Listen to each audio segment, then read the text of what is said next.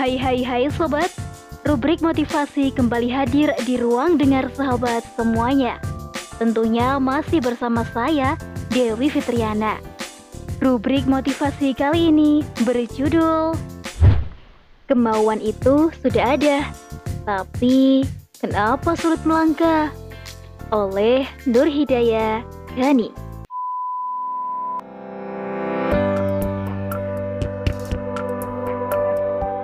Sebenarnya kemauan untuk berbenah itu sudah ada, namun begitu sirna tatkala melihat sekeliling. Orang-orang sudah menorehkan segudang prestasi dan kontribusi di sana-sini.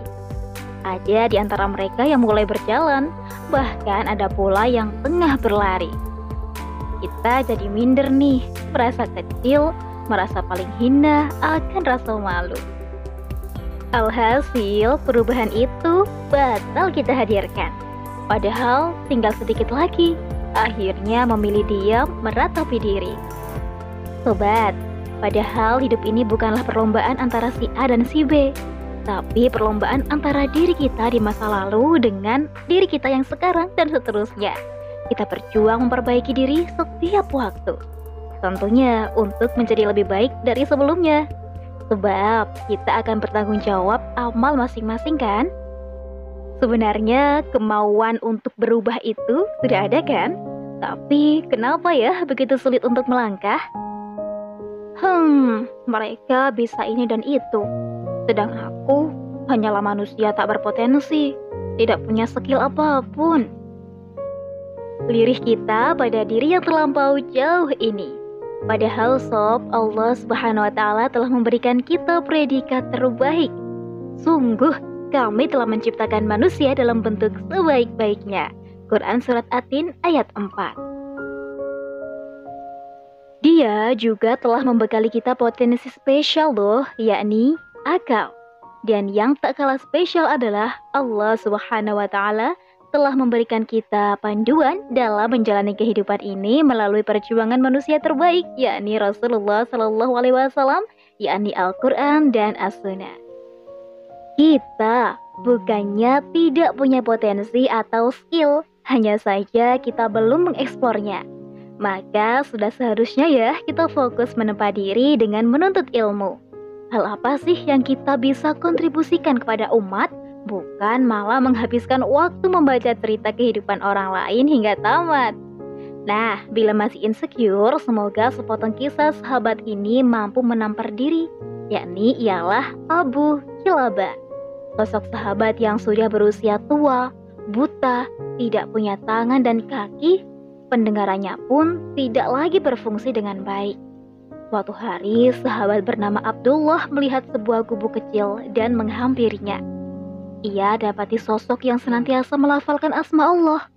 Abdullah takjub akan pemandangan itu. Alhasil, ia menghampiri dan berbincang dengan Abu Hilabah.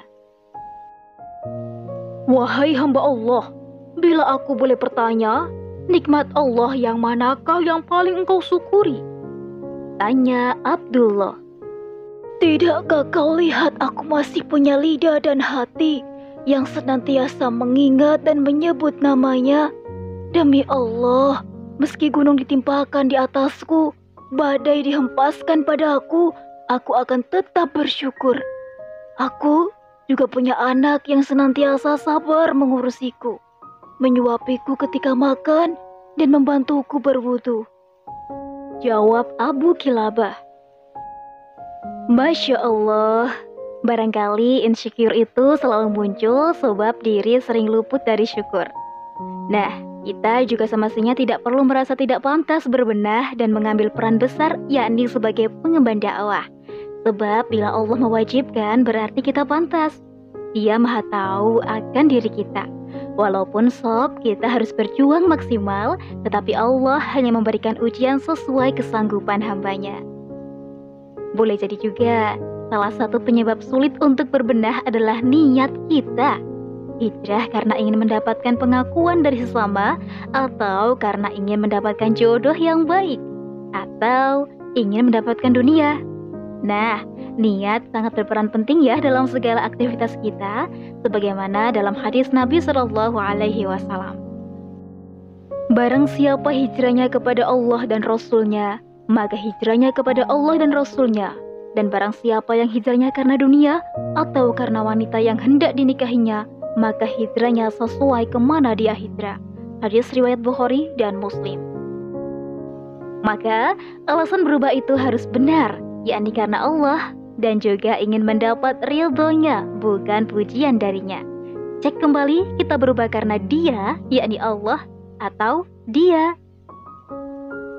Setiap pendosa hari ini belum tentu masuk neraka. Begitupun dengan orang salih belum tentu masuk surga. Kenapa?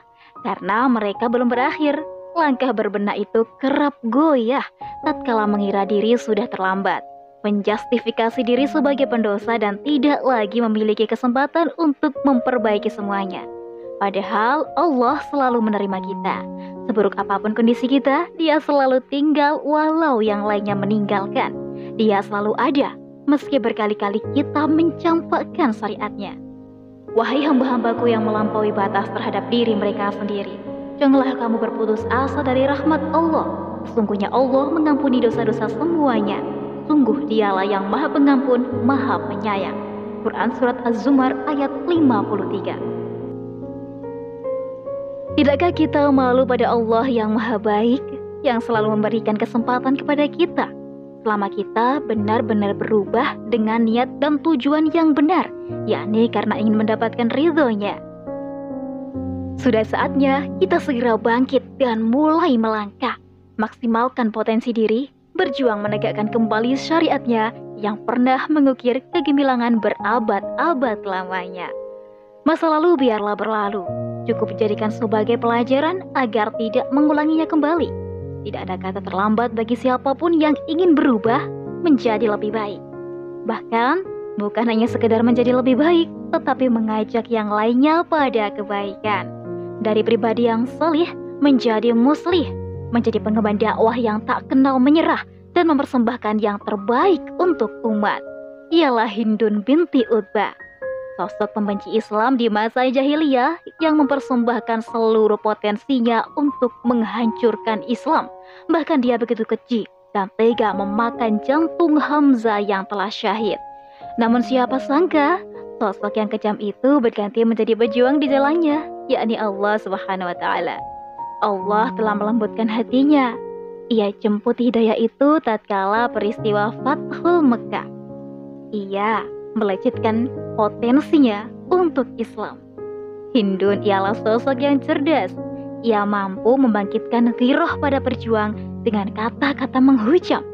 Mereka yang lari mundur, akhirnya dengan gagah berani kembali berperang. Demikianlah jalan hidup ini akan ditentukan dari bagaimana akhirnya. Boleh jadi pernah menjadi pendosa semasa hidup, tetapi berakhir di jalan yang diridhoinya. Sahabat, tidak ada lagi dalih untuk tidak melangkah ya. Saatnya berbenah, maksimalkan potensi di jalan dakwah. Wallahu a'lam bishawab.